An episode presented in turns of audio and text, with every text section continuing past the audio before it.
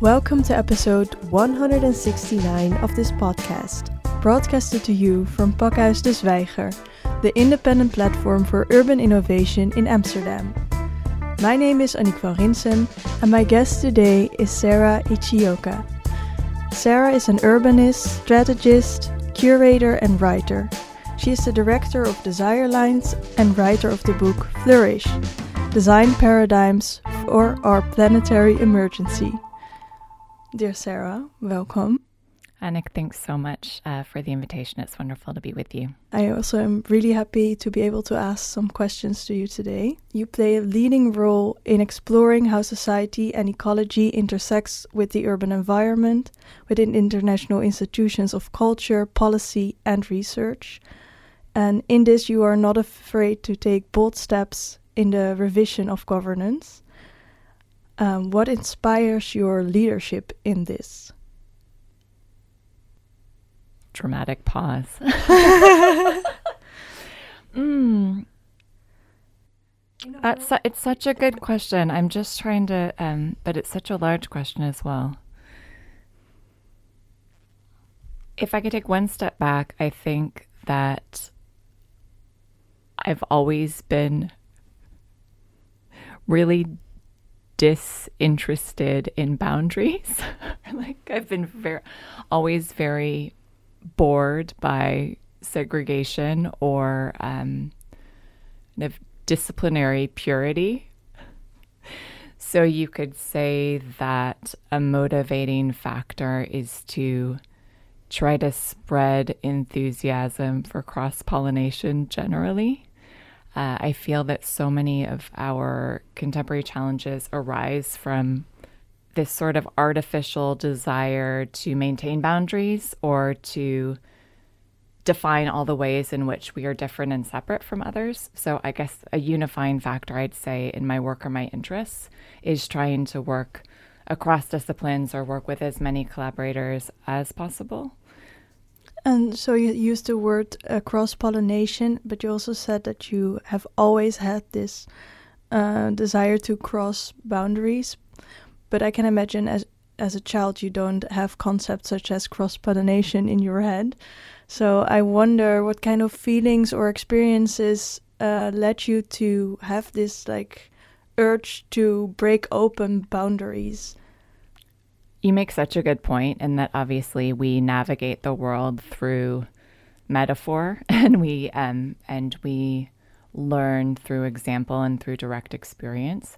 And that's always I'm so glad you framed it that way because sometimes as adults we can forget that so many of the frames through which we see and interact with the world have been generated either through an initial formative experience that we had, um, which shapes our understanding of like what the truth is or what reality is, and also can take the form of and if in other people's inherited metaphors that they've imposed on us. I think in my instance, not to overly idealize my childhood context, but I think that the community that I grew up in, uh, at Berkeley, California, university town to the east of San Francisco and the west coast of the US, was, I believe, was the first city was the first public school district in the United States to actively desegregate, um, meaning uh, creating busing, busing uh, to create mixed schools. So even though n- residential neighborhoods were still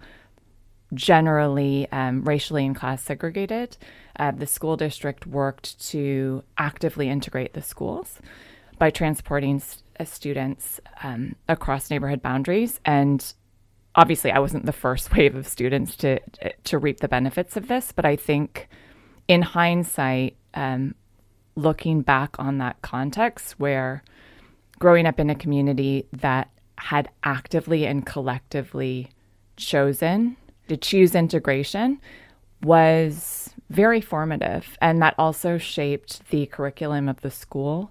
So i found uh, i found it interesting now in, in a lot of recent public conversations around the need to decolonize curriculum, um, uh, the need to have an anti racist curriculum.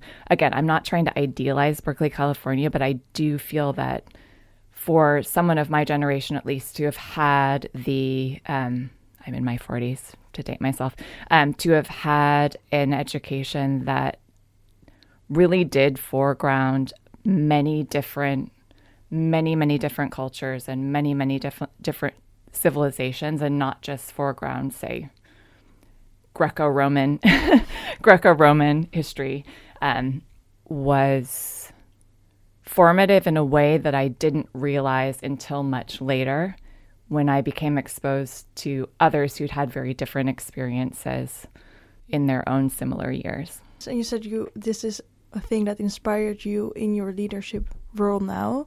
How this is help you in taking on really leadership roles in the big transition we are facing at the current moment in time?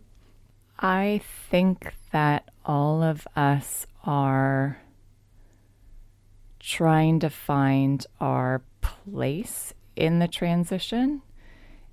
And that for so many people now, we're trying to think about how we can have the maximum impact or influence um, from wherever we stand.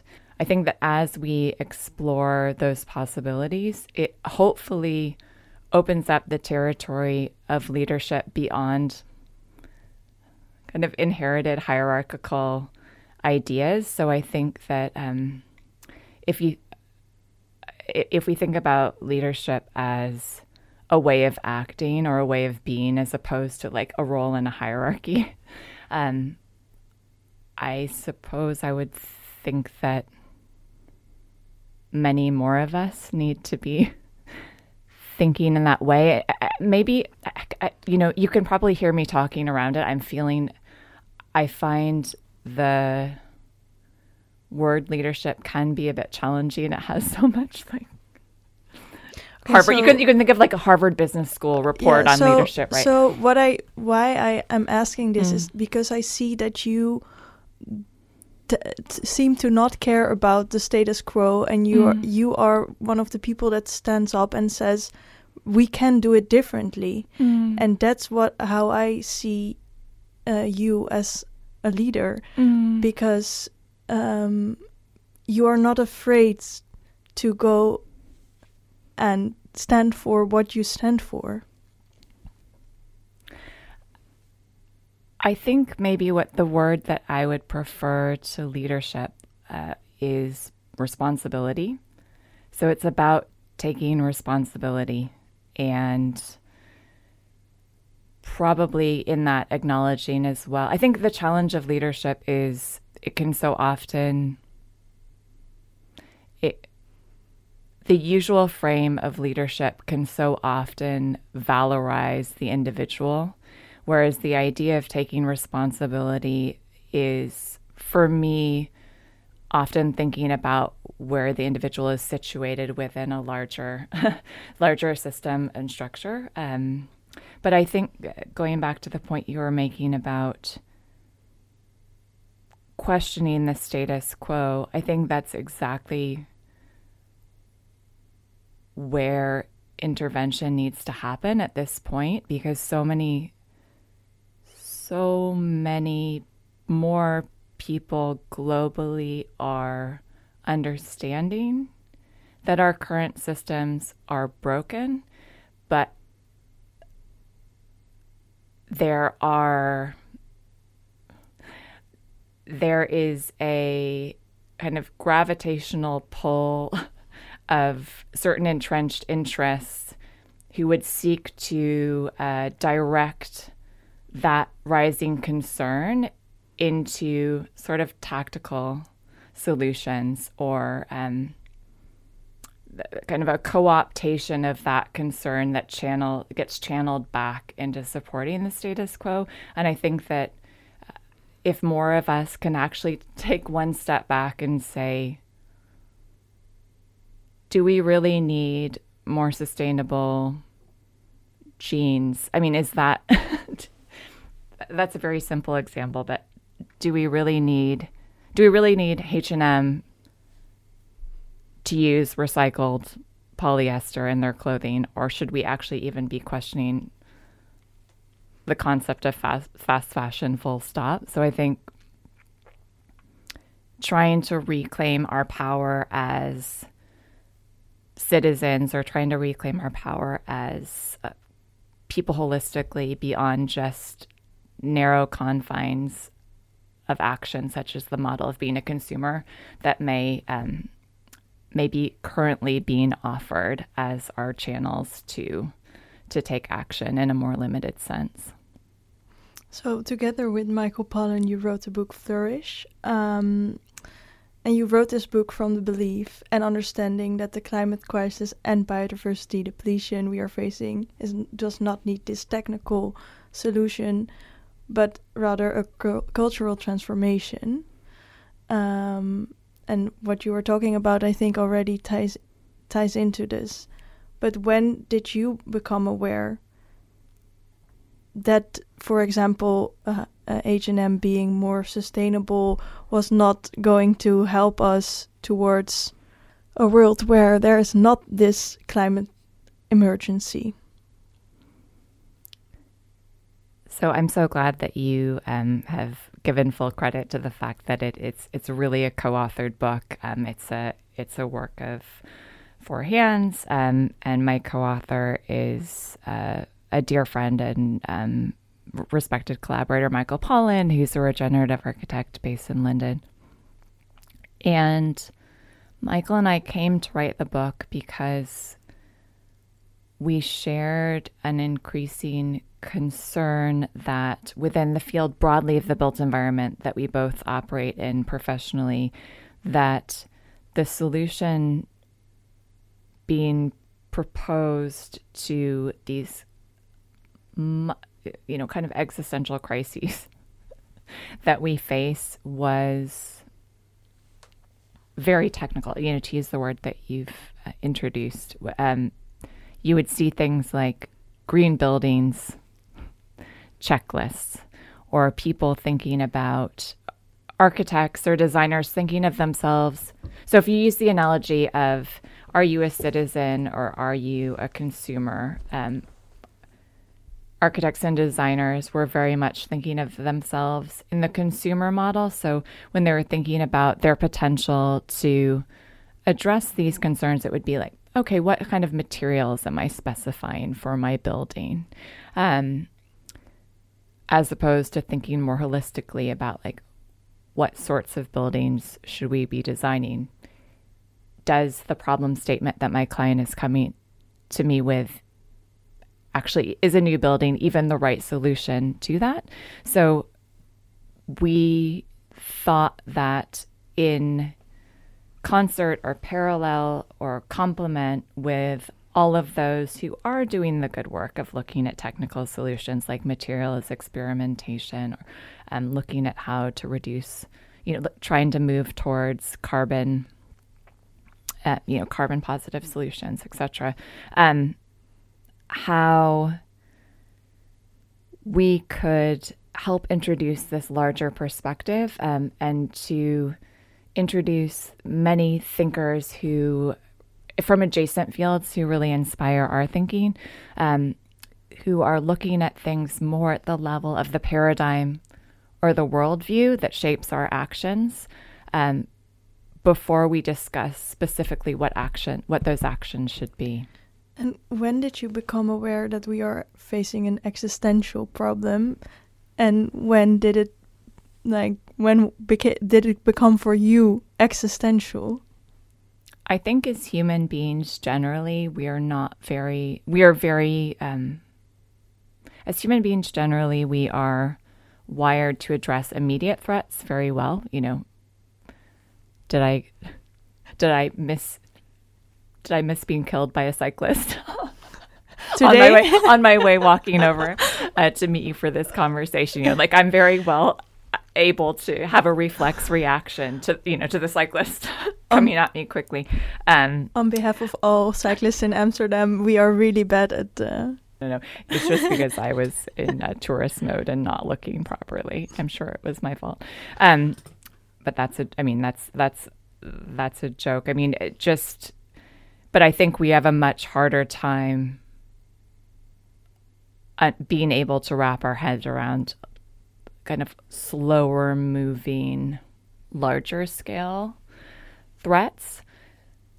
So, but I, I think to, to offer maybe a simple answer to a much more complex and nuanced um, question, what brought Michael and I to come together to write the book was the uh, the, the coincidence of the IPCC report um, of uh, 1.5 degrees C warming that I think, despite there having been many reports before, I think did have a higher degree of cut through to the public consciousness about um, the climate crisis.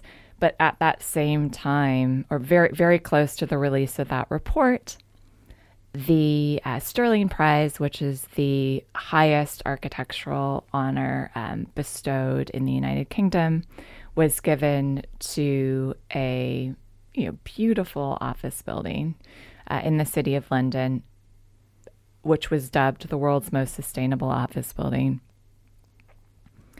But when colleagues of ours did the analysis of that building, that building, the world's most sustainable office building, was still consistent with three degrees C of warming. And so that that that very clear juxtaposition of what the science was telling us, what direction needed to be taken, and then what was being presented as the very best that our industry could do was the catalyst to think, all right, you know, we really do need to be thinking, rethinking our roles and the actions that we take at a mindset or worldview level, not simply at the technical kind of building solution level. Mm-hmm. And did then did you kind of see your line of work as an existential threat itself in a way? I think that those of us who are working in cities that are the product of industrialized extractivist societies uh, in in the relative safety and comfort of those um, environments. Do all need to take pretty clear stock of where we sit within systems of extraction uh, and I think to a certain extent all of us do? Um,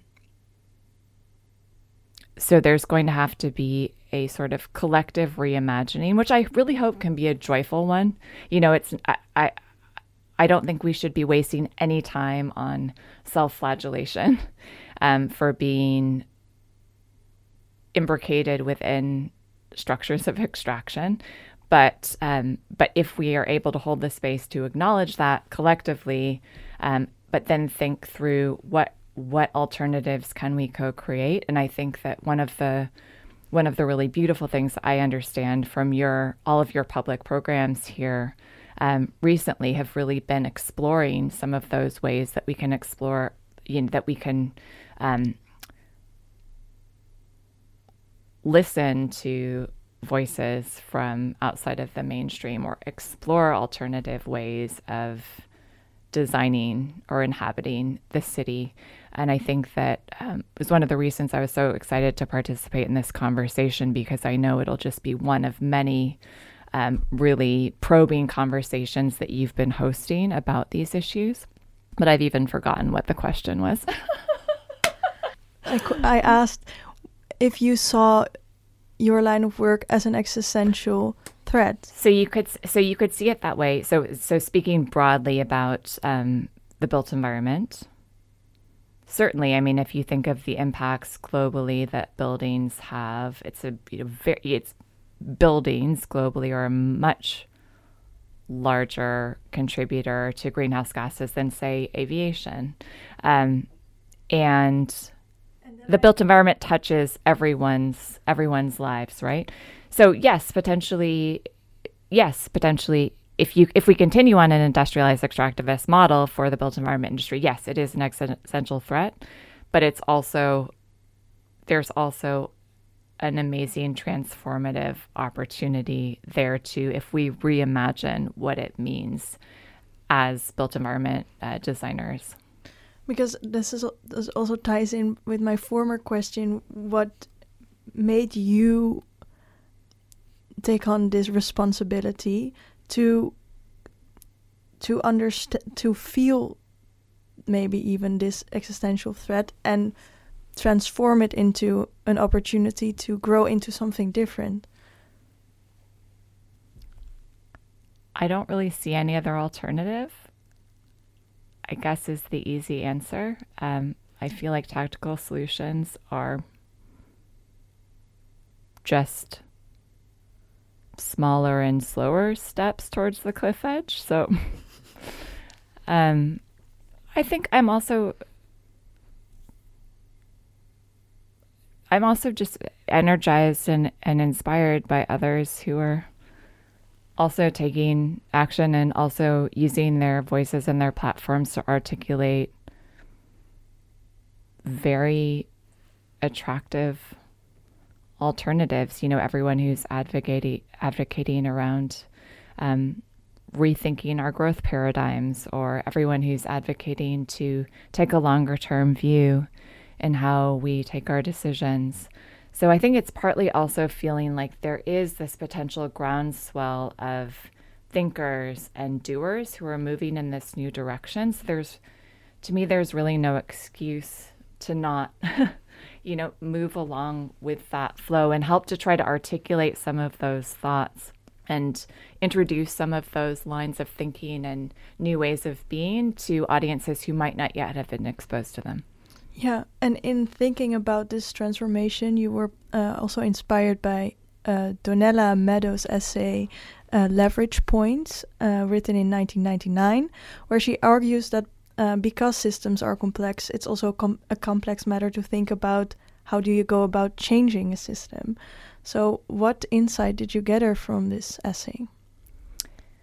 Everyone should read Donella Meadows or um, find some of her videos of her lectures online. Incredibly inspiring person, um, who, systems thinker, and one of the lead authors of the original Club of Rome's Limits to Growth report, which now, having been revisited, everyone is saying it's actually quite on target for, for predicting where we are now. And in that in that essay that you've kindly referenced, Annick, um, Meadows talks about places to intervene within a complex system, and she identifies a dozen of them and uh, the top two in term in, in her assessment of uh, places to have the most potential impact are looking at not at the level of things like regulations or standards so that would map against the earlier you know the earlier points I made about so many seeing so many peers focusing on things like green building standards but rather looking at the mindset or paradigm level. So that was essentially, we were inspired, Michael and I were inspired by Meadows and have structured Flourish around five key mindset or paradigm or worlds or worldview shifts that we would like to propose uh, to to the built environment and design conversation uh, where we can move from uh, more degenerative mindsets that are holding us back towards regenerative ones uh, that can chart a more promising path forward. So first of all, how do you how does one identify and understand stand the current paradigm that one is a part of and living in? How do you go about that? So I think first at a meta level, it takes some processing to even begin to understand that we may have there there there may be many shared belief systems that we have that have become so ingrained that we don't even realize that they're just a collective fiction that we've all agreed to. I mean, things like I'm not putting myself forward to be a, an expert in it in money at all, but you know, just things like money fictions like money or the ownership of land or what have you. So, um, a, a, a, very clear example would be um, the first sorry, the second the second mindset shift that we articulate, which is in our current um, kind of the inherited Western industrial understandings of nature as something separate from humans. And even when we talk about nature, we tend to think of it as being something that's outside of us. It might benefit us. We might, you know, think we, we should conserve it or we might have a positive view towards it, but it's still in a subject object relationship. And so one of the one of the key mindset shifts there would be to understand ourselves as a fully integrated part of nature. So in an example like that, it can be very very hard to unthink it, right? Even in the conference that I've been in in the last 2 days, we have people on stage really extolling the benefits of immersive nature in cities, but still seeing it as as separate from yeah, us. Exactly. So I think it's it's not necessarily easy, but once you understand it as a concept, I think it's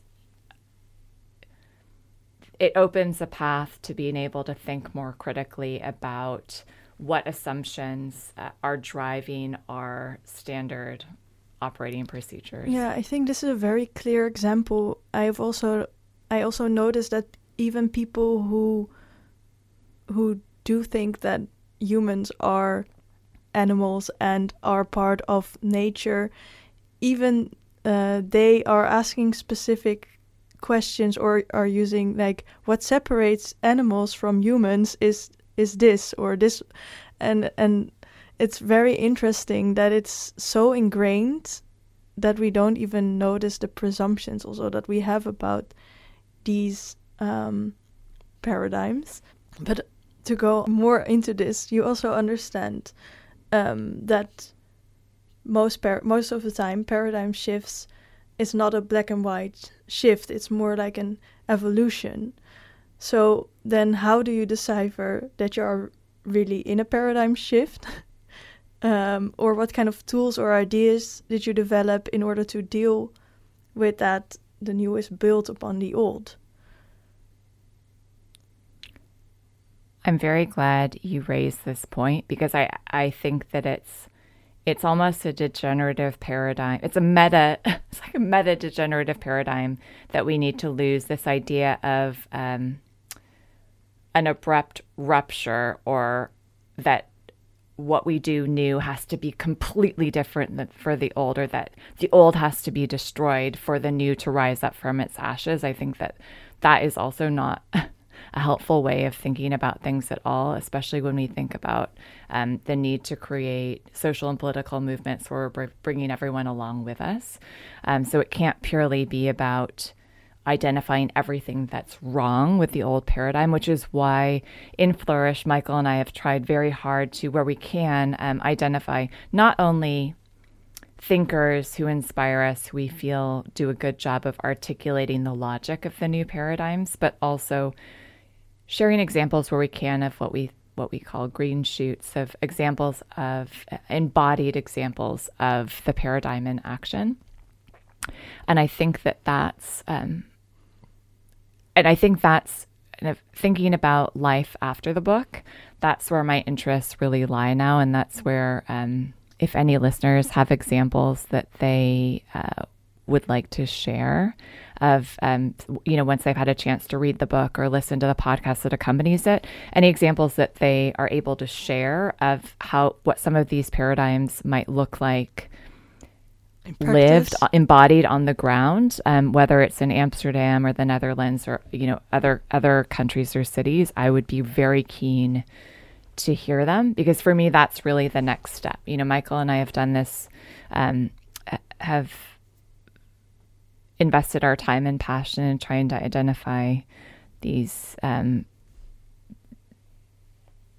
paradigm these shifts. paradigm shifts um, but now really there's there's a next layer of work in the more that I look for them, the more I see them. Obviously, right? We always have that spotlight effect, but that I think what we need to do now, in addition to holding each other accountable for thinking about the higher level framing, is also to assemble all of the positive ev- evidence of how they can be lived Yeah, and so, embodied. so the higher level framing uh, inspires different practices, um, but the different practices also make insightful how the higher level level framing actually works and makes it perhaps clearer what i what exactly is the shift Exactly. and because it's on the one hand like you said um, it's not completely throw away all the old and the new uh, rise up but on the other hand it's also important to keep noticing how the unhelpful parts um, are still popping up in things that you think are new ways so how yeah and maybe you already answered this by saying we need practice to really uh, start understanding where this difference lies but do you have some more thoughts about how to deal with this pretty complex issue I think you've put it really beautifully, Annick. I, I I'd like to come back to the idea of not needing everything to be this abrupt break from the past, which I think has been such, such a problematic way of dealing with challenges. And actually, so many, what we try to point out is when we say that so many of the solutions already exist, part of that is about revisiting and um, revalorizing the whole diversity of uh, the ethnosphere. Or the, this this is uh, the anthropologist Wade Davis's term for the sum total of every way of human being that had has ever existed or still does exist in tremendous diversity around the world and trying to understand that many of the um, many of the solutions may lie in how people have already done things or indeed continue to already do things but just not within the, that kind of spotlight of western industrialized hyper commercialized um, value systems. mm-hmm. So I think that there's there's an aspect of rediscovery, um, revalorization of what uh, what the scholar James Agude calls banished knowledges. Mm-hmm. Um, and at the same time, I think from from a built environment perspective, there's also a re- a, a re-engage, active re-engagement with the inherited forms that we already have, and thinking about rather than that horrible modernist concept of like knocking everything down, getting a beautiful clean white sheet of paper, and then like drawing beautiful straight lines, or a city that looks like a bird from the air. Um, that we in, instead engage with the built form that we've inherited. Um, I mean, maybe a bit like the building that we're sitting in right now, right? It's an old warehouse that's been reinterpreted as a cultural and community gathering point. Um, it's had to work tactically to accommodate new infrastructure, right? As the new development's been built around it. I understand from your colleague that had to have a hole punched into the building to ensure its longevity. But you know, it continues to be this amazing cultural and social hub that I think particularly particularly so I'm based in Singapore and I think particularly in the context of cities and areas that have had maybe more recent urbanization, there needs to be a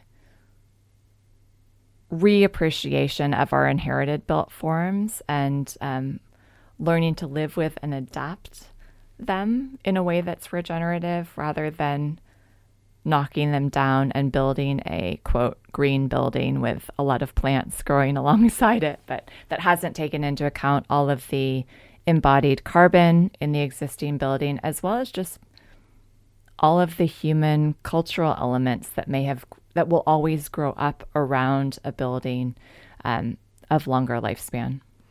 I really love the the concept you just drew in from this anthropologist. I forgot what it's. Wade Davis.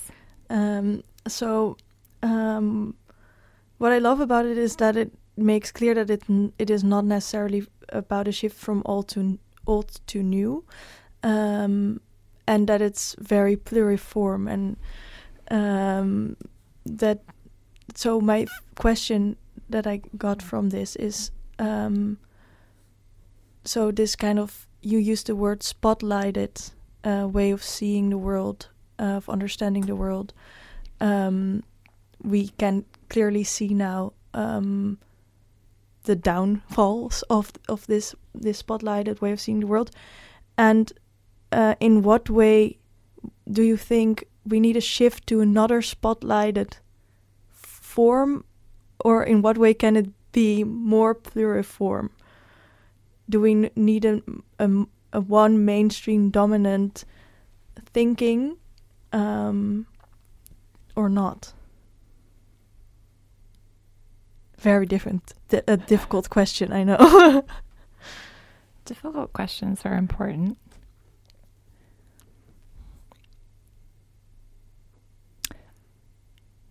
I'm always very cautious about um, anyone who feels like they could answer a question like that with certainty in the course of a couple sentences.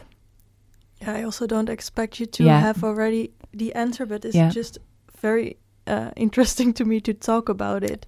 Of, cour- of course, of course. You know, I actually think that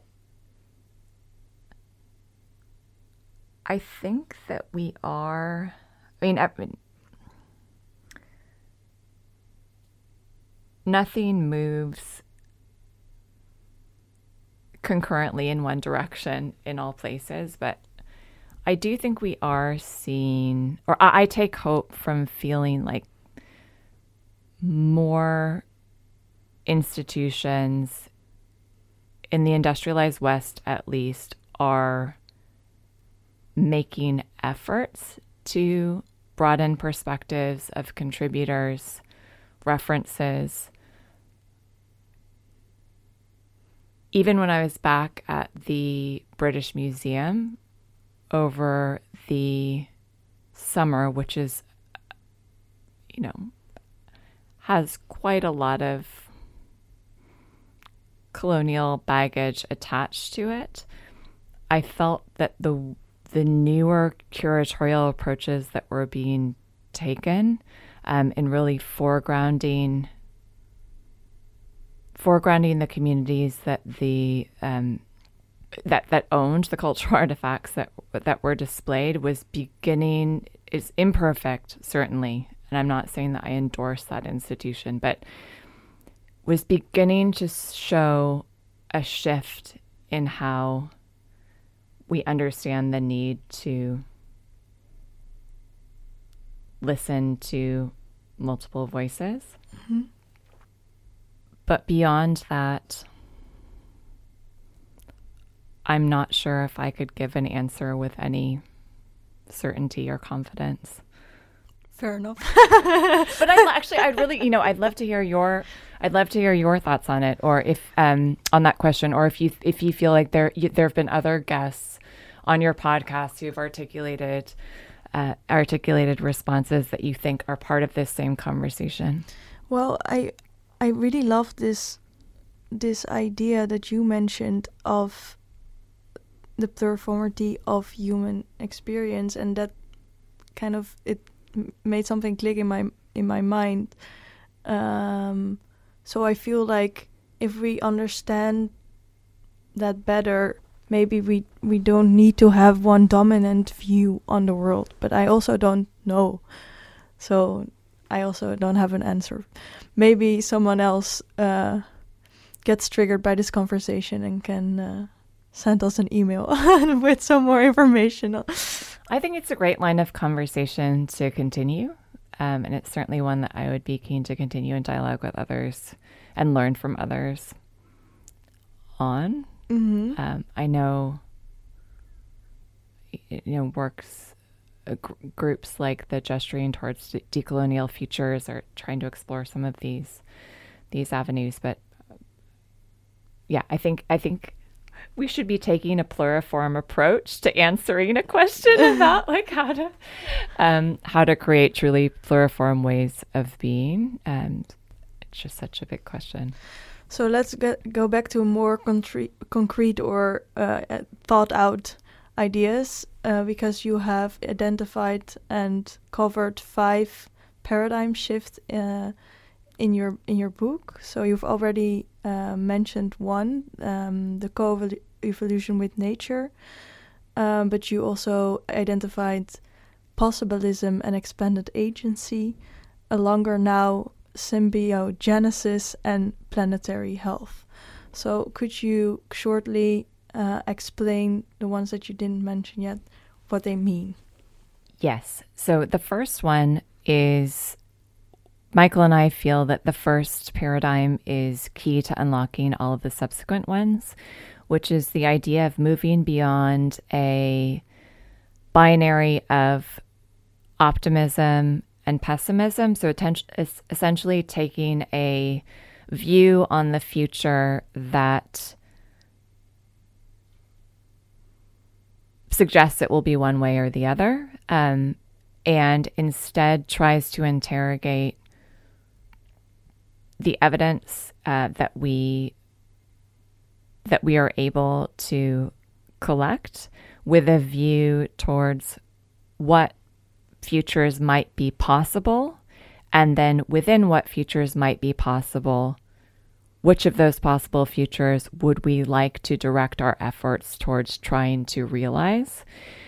And that shift from it's all going to hell in a handbasket to someone will come up with a technology that will fix it um, towards all right this is a very difficult situation but these are bright spots of promise that we can um, that we can identify that if we invest the effort to cultivate could lead towards a flourishing future um, that then leads directly to the idea of what can i do or what can we within my sphere of influence do to try to make that happen. Um, so, this idea of this mindset of possibilism is married with a mindset of expanded agency. Mm-hmm. So, in what way do you define what is possible, and how do ideas about technical possibility and cultural possibility tie into this? I think that this is an area that designers generally are very well equipped for. You know, they're meant to be able to master sort of generalist research quite quickly. Um, they're meant to uh, be able to define a brief and then propose a strategy within that brief. So if you if you think about redeploying that skill set towards this condition, designers are actually pretty well positioned to to take on take it on, but it's just a matter of being able to expand our thinking beyond just like the design of an individual object or the design of an individual building that's um, currently seen as cut off from the, the, you know the broader social ecological context within which it sits. But I also feel like what you consider to be possible also depends on your belief uh, if we can arrive at social change quickly or not. So, um, how do you deal with with that that factor? I think that we can use our research skills to identify examples where social change has um, has happened, and uh, you know we cite the social science researcher Erica Chenoweth, who has pointed out in in her research, looking at a number of social movements over say the last 50 years that actually you only need a relatively small amount of the population to be committed to a change for it to eventually happen. So I think if we, um, I actually think that one of the key skills is um, in being a possibilist is the ability to look for the signal and to screen out the noise and that there's so much in our contemporary attention economy that is throwing noise constantly throwing noise in our field of vision that one of the key tools of a po- of a possibilist is to qu- quiet that and look for look for signal. Um, so that so an example would be um, yeah, actively trying to pursue examples where we have seen that change is possible and then understand change has been possible in the past and then to understand the mechanisms through which that happened and learn from those experiences. I think it's very easy to just ad- adopt a very passive attitude towards everything, and that would be the optimist, pessimist, degenerative paradigm. It's like I am sort of a passive recipient of the news, mm-hmm. um, as opposed to thinking like, hey, I should do something and I can do something. And to try to use, the, if you, once you use that frame, then you're thinking, well, what can I do? How would I do it? Who would I do it with? And suddenly it's just, you know, as Michael and I put it, we, we think that we should be working together so that what might seem improbable now actually just becomes probable. Probable. Exactly, but that's kind of the problem with uh, agency because if you don't take agency, I don't know if you can say it like that, but I think you get what I mean. If you don't take agency and nothing changes, you can say, "See, it wasn't. It was impossible to change."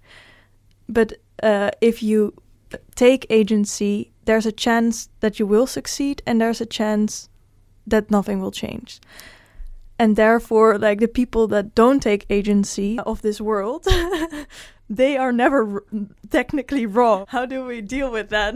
I know the grumpy the grumpy guy at the end of the bar who's so happy to be right when things go wrong. I'm really glad that you raised that because i, I think it's a, an important clarification to also understand that when um, i think if one's not very careful, it can come across as incredibly privileged as well to discuss like the power that we have as individuals.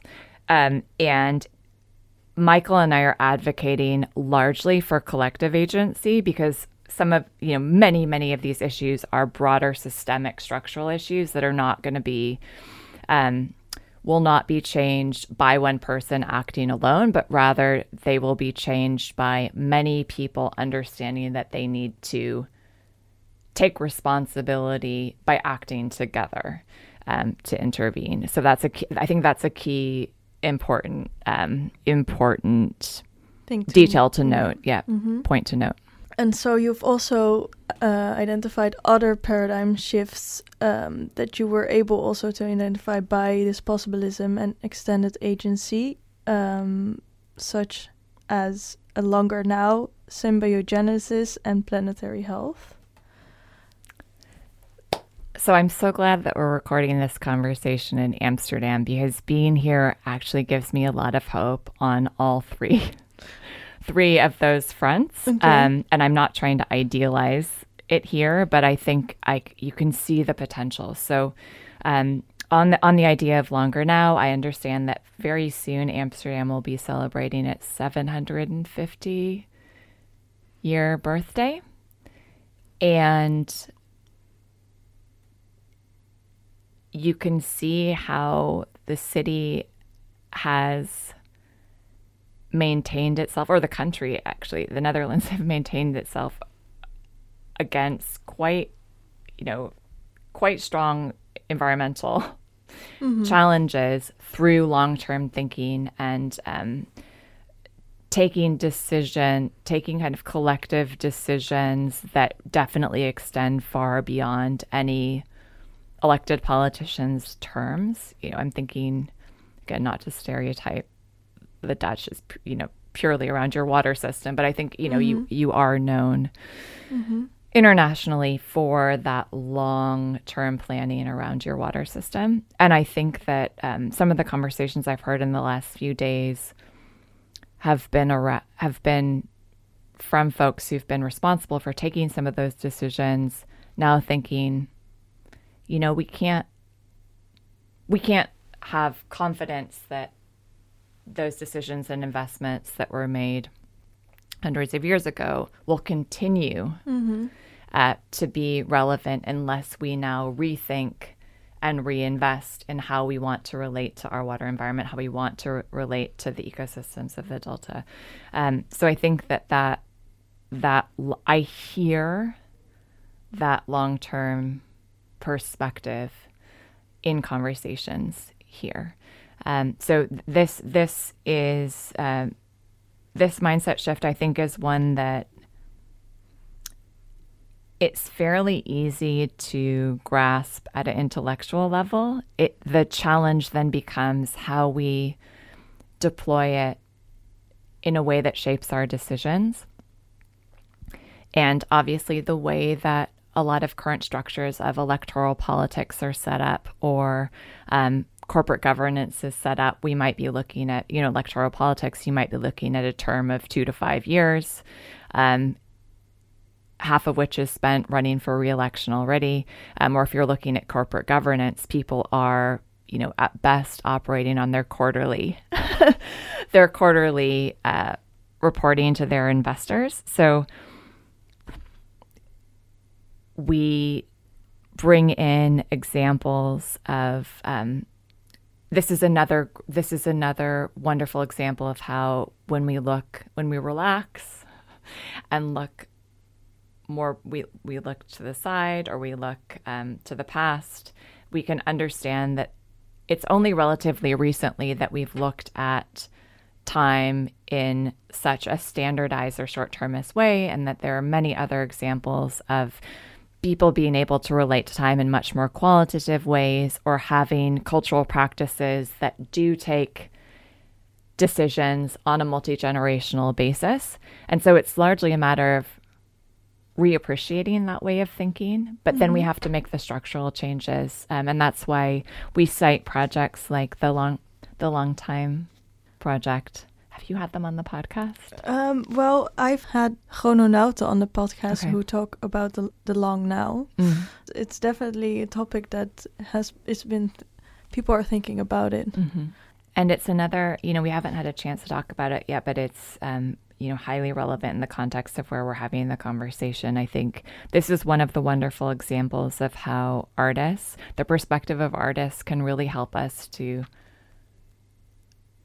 reimagine our relationship with time. You know photographers uh, the like the, the artist rachel Sussman who's uh, beautifully documented some of the world's oldest living things which some of which you know predate predate um, human kind of recorded history as a way of understanding that there are much longer time scales within which we can think. imagine, think, act.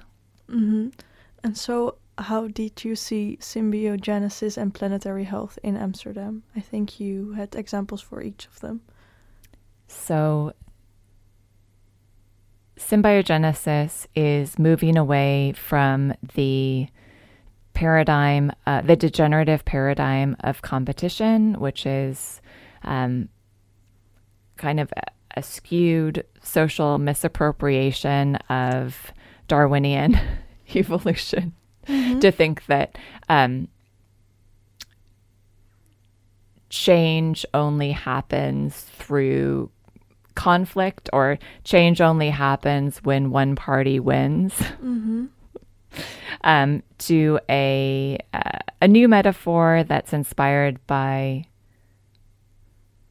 newer and more advanced understandings of how evolution works. In that, yes, uh, natural selection is you know definitely a reality, but um, we're inspired by the biologist Lynn Margulis, whose term we've borrowed, symbiogenesis, she was the first one to posit this idea that evolution could happen through the long-term coexistence of formerly um, formerly separate organisms who then over long-term coexistence actually combine to become a new um, a new organism.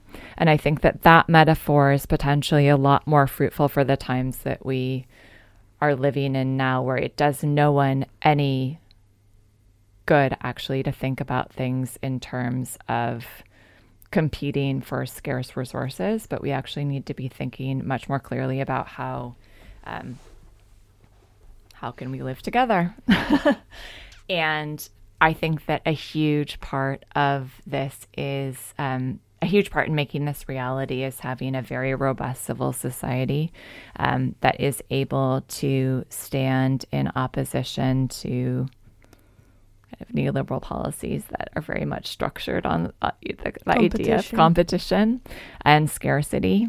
Um, and I do, it, it does seem to me, as an outsider's perspective, that Amsterdam does have flourishing civil society and um, organizations that are working together for mutual aid, for example, which would be very much in the model of this, or participatory practices of co creation of space or co creation of policies that would be very much in line with the paradigm of symbiogenesis.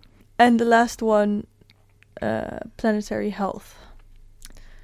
Yes. So this is potentially the hardest one in that I think we are still so much enthralled uh, to the idea of growth being good. I think which derives from a very so um, if we think about the metaphors that shape how we understand the world. Um, you could think, oh yes, in nature, like things things when things are growing, that's good. But you actually if you look at mature ecosystems, there are internal cycles of death and decay that happen that are quite natural and healthy and they allow new life to flourish. And um, in this instance, so it's not just like growth for growth's sake um, is how cancer cells mm-hmm. work. Right? Yeah, I I've once heard heard this, and it's a terrible but wonderful uh, analogy of how growth can be harmful. Absolutely. So I think that new models, uh, you know, there are many many um, positive examples now of art- uh, alternative ways of thinking about our economic economic systems. You know, anything from the um, the degrowth movement, which is really, I think, often very misunderstood as being anti growth full stop, whereas actually, if you read them with, you know, in any level of detail, you understand that they're saying we should be focusing specifically on what we want to grow, mm-hmm. not just pursuing growth for growth's sake. Um, and then we should be thinking about what we don't want to grow. Um, but we, Michael and I posit that a reorientation towards planetary health, the metric of planetary health as a, or not metric, sorry, let me say that again. Michael and I posit that um, a, a, a, regenerative alternative to growth for growth's sake would be looking at reorientating our economies uh, to the lodestar of planetary health. Um, could be a positive alternative. Um, and one of the one of the economic thinkers we're very inspired by, as are so many uh, these days, is the economist Kate Raworth. And so, obviously, the fact that Amsterdam is one of the first cities, or the first city, um, that is trying to think what Kate Raworth's donut economics could look like in practice at a, at a city level is obviously very inspiring as being watched, I think, with great interest by cities around the world. Yeah, you've also noted that you understand that no paradigm is true, but still I have a question to relates to the this idea a bit of truth because I notice, for example, in this idea of co-evolution, um, it seems more true to me than um, how do you say that? This idea that humans are separate from nature. Um, but for example, when um, you look at the long now, I feel it's more like a shift in thinking that just gives different results, but it's not necessarily more true or less true. Um, and if you talk about symbiogenesis, um, I feel like it's a kind of a choice that we have in a way of how we we want to look at the world. So how do you see this? I think that the both of those points that you've you've raised, the longer now and symbiogenesis, we could potentially see those as following naturally from truly embodying seeing ourselves as an integrated part of nature. Because if we truly understand ourselves as an integrated part of nature, then we understand the reality that our actions and ways of being are completely and totally integrated uh, with the actions and ways of being of everything else we interact with. So, symbiogenesis is not some sort of like artificial, touchy feely way that it's nice to be, but it's actually, we, we understand that what benefits others that we come into contact in the long term also completely benefits us, us too. Um, and similarly, I think with the um, although I, you know I can I, I am not dismissing at all the um, your point that our ways of being are so still so shaped by the old, by the old paradigm that it's very very hard to shed from mm-hmm. our actual ways of being. But um, if we think about how the, the timeline of the earth if we take one step back from the timeline of the universe i think just engaging with the timeline of the earth is um, is a big enough ch- uh, good challenge for us to take mm-hmm. on right now but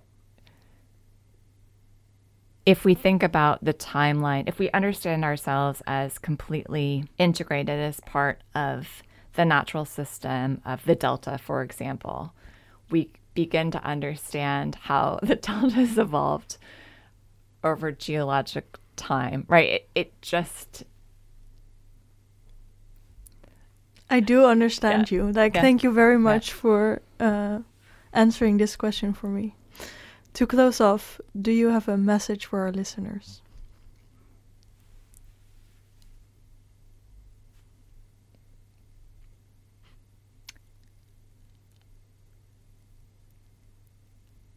I would come back to, and I should I should um, I should mention here that I am quoting from Robert Gilman, who's the astrophysicist, but also a, a, a great elder in the uh, intentional communities movement um, with just his um, his encouragement to look for the signal and think about how to screen out the noise. And if we can hold the space for to help one another do that against all all of the competing interests of the attention economy, which is really the distraction economy, I think that that will already open up the headspace that we need as individuals and as communities to make space for this transformation uh, that needs to happen both internally and externally. Thank you very much. Thanks so much for having me, Annick. It was great. Dear listeners, this was episode 169 of the podcast series by Pakhuis de Zwijger. Do you want to know more? Then join our program DCFA Regeneration Kickoff on Monday, January 16th at 8 pm in Pakhuis de Zwijger or online. Subscribe to our podcast via SoundCloud, Spotify, Apple Podcasts, or another podcast platform. Thank you for listening, and until next time.